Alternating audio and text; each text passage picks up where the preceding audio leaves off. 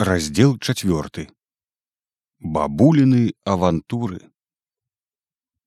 Ветрычак пыша былінку калыша з народнай песні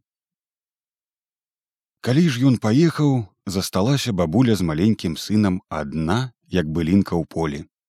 Бацька яе быў салдат і ні яму яе ні ёй яго пабачыць так такі ніколі і не давялося ішоў ён у салдаты была яна яшчэ в ачрэве маці можа яшчэ якім эмбрыёнам. Калі ж яна радзілася расла і вырасла ён усё служыў цару бацюшку ды хадзіў на войны. А потым дзесьці лёг па-геройску. І як усе людзі і всякія істоты патрошку рассыпаўся прахам на новы плён прыроды у новых яе формах формах вечнага жыцця. Толькі дачушкі свае так і не пабачыў маці бабуліна салдатка памёрла ад халеры калі было бабулі гадоў дзесяць бабуля помніла і бацькам маім апавядала як захварэла яе маці ад гурочка што з'ела ў брудзянішках. Прыйшла дамоў у вёску брык сярод хаты і самлела.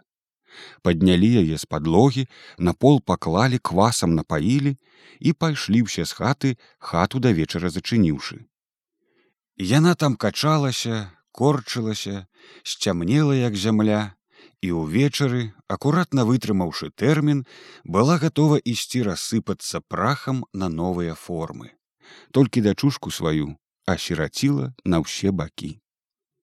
Гадавалася бабулька не ў дзядзькі, а ў цёткі. Ну толькі нядоўга цётца сваёй дакучала. З карынак троху з'ела, а там звычайная дарога пайшла батрачыць усе леты свае маладыя праслужыла па мястэчку. Стаж яе батрацкі быў вельмі вялікі а за дзядулем папанавала не дужа доўга. І панаванне ж было такое што распанець не паспела. Дык застаўшыся цяпер адна не спалохалася дала сабе рады.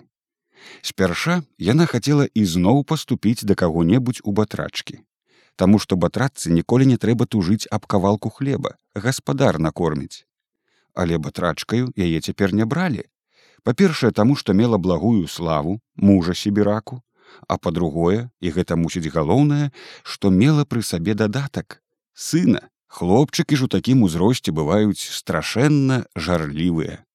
Дык мусіла яна перайсці на скромную і спакойную прафесію местачковай ваданоскі была яна як казюлька Аднак жа цяжкія суды вады спраўна насіла за квартал за два а то і далей ад крыніцы і брала нядорага дзе далей дык капейку а дзе бліжэй дык грош з вядра.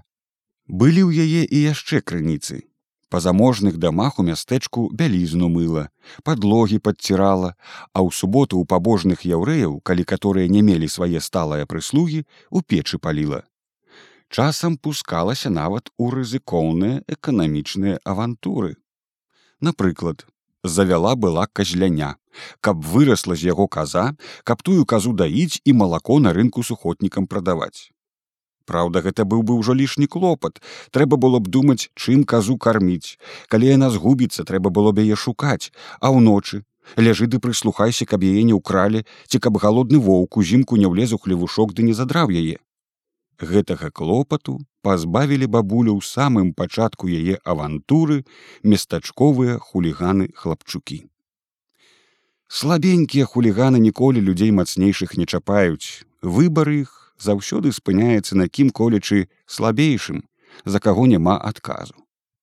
Спярша яны ўсё цкавалі бабулі на казляня сабакамі, а потым нейкім вялікім святам загналі яго ў роў злавілі пятлю на шыю ўскінулі да гібкае бярэзінкі прывязалі. Калі ўсе расступіліся каб лепей было відаць той што прытрымліваў раптам як пусціць. Бярэзінка падмахнула і казляня толькі ножкамі задрыгала ў паветры. Яны палюбаваліся а бабуля болей коз не завадзіла. У рыначныя дні пасылала сына з мяшэчкам і грабелькамі на рыначную плошчу зграбаць раструшаныя сялянскіх вазоў сена, але гэта ўжо не для свайго казляняці. Сена тое яна прадавала другім трымальнікам коз у мястэчку і між іншым мела з гэтай аперацыі значны прыбытак, а таксама і прыемнасць, бо гэта ўжо была падмога з боку сына. Бацька ж мой, як толькі падняўся на свае ногі, дык не толькі зграбаў на рынку сена. Гэта была яго работа зімняя, а ўлетку пасвіў ён гусі у брудзяніскага ксяндза. Леты два прапасвіў з поспехам, а на трэцяе стары ксёнз выехаў у вільню атрымаў па службе падвышэння, а на яго месца прыехаў новы, здаравенны слуга Божы тлусты як парщук і чырвоны як бурак. Той ксёнз любіў салодкія наліўкі і сырнікі ў смятане з маслам, а гэты новы завёў аканомку, траюродную сястрыцу, удаву яшчэ маладую і бяздзетную. Гусей сваіх стары ксёнз прадаў новаму і бацька мой разам з імі перайшоў. І ўсё ішло гладка. Аж аднойчы адна гусіна нечым падавілася.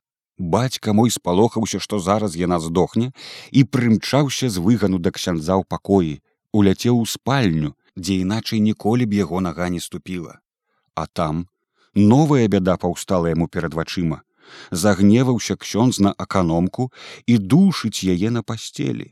Яна ірвецца стогне а ён вось вось задушыць. Бацька мой у слёзы крычаць гвалту выбег на вуліцу лямантуе калі ўсё патроху абляглося і гусіна не здохла і эканомка засталася жыва і людзі ў мястэчку насмяяліся з прыгоды паклікаў ксёнз бабулю на расправу і быў ён вельмі вельмі гнеўны віна яе была ў тым што сына кепска ўзгадавала лезе ў спальню, а потым пра ксяндза свайго хлусню разносіць. За гэта ксёнз прызначыў ёй пакуту, а бацьку майго ад гусей сваіх адставіў. Адбыла яна пакуту. Тры касцельных службы ляжала крыжам перад панам Езусам Хрыстусам раскрыжаваным. Гэта ёй было няцяжка, хоць і троху ніякава перад усімі людзьмі ў касцёле.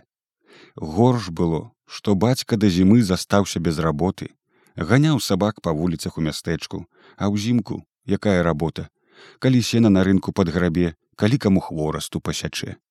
І аддала яна яго вучыцца ў школу, каб меней дакучаў у хаце. Да навукі хлопец аказаўся здольны, скора чытаць па-руску наўчыўся. Настаўнік яго палюбіў і нават дараваў яму, што ён робіць частыя прагулы.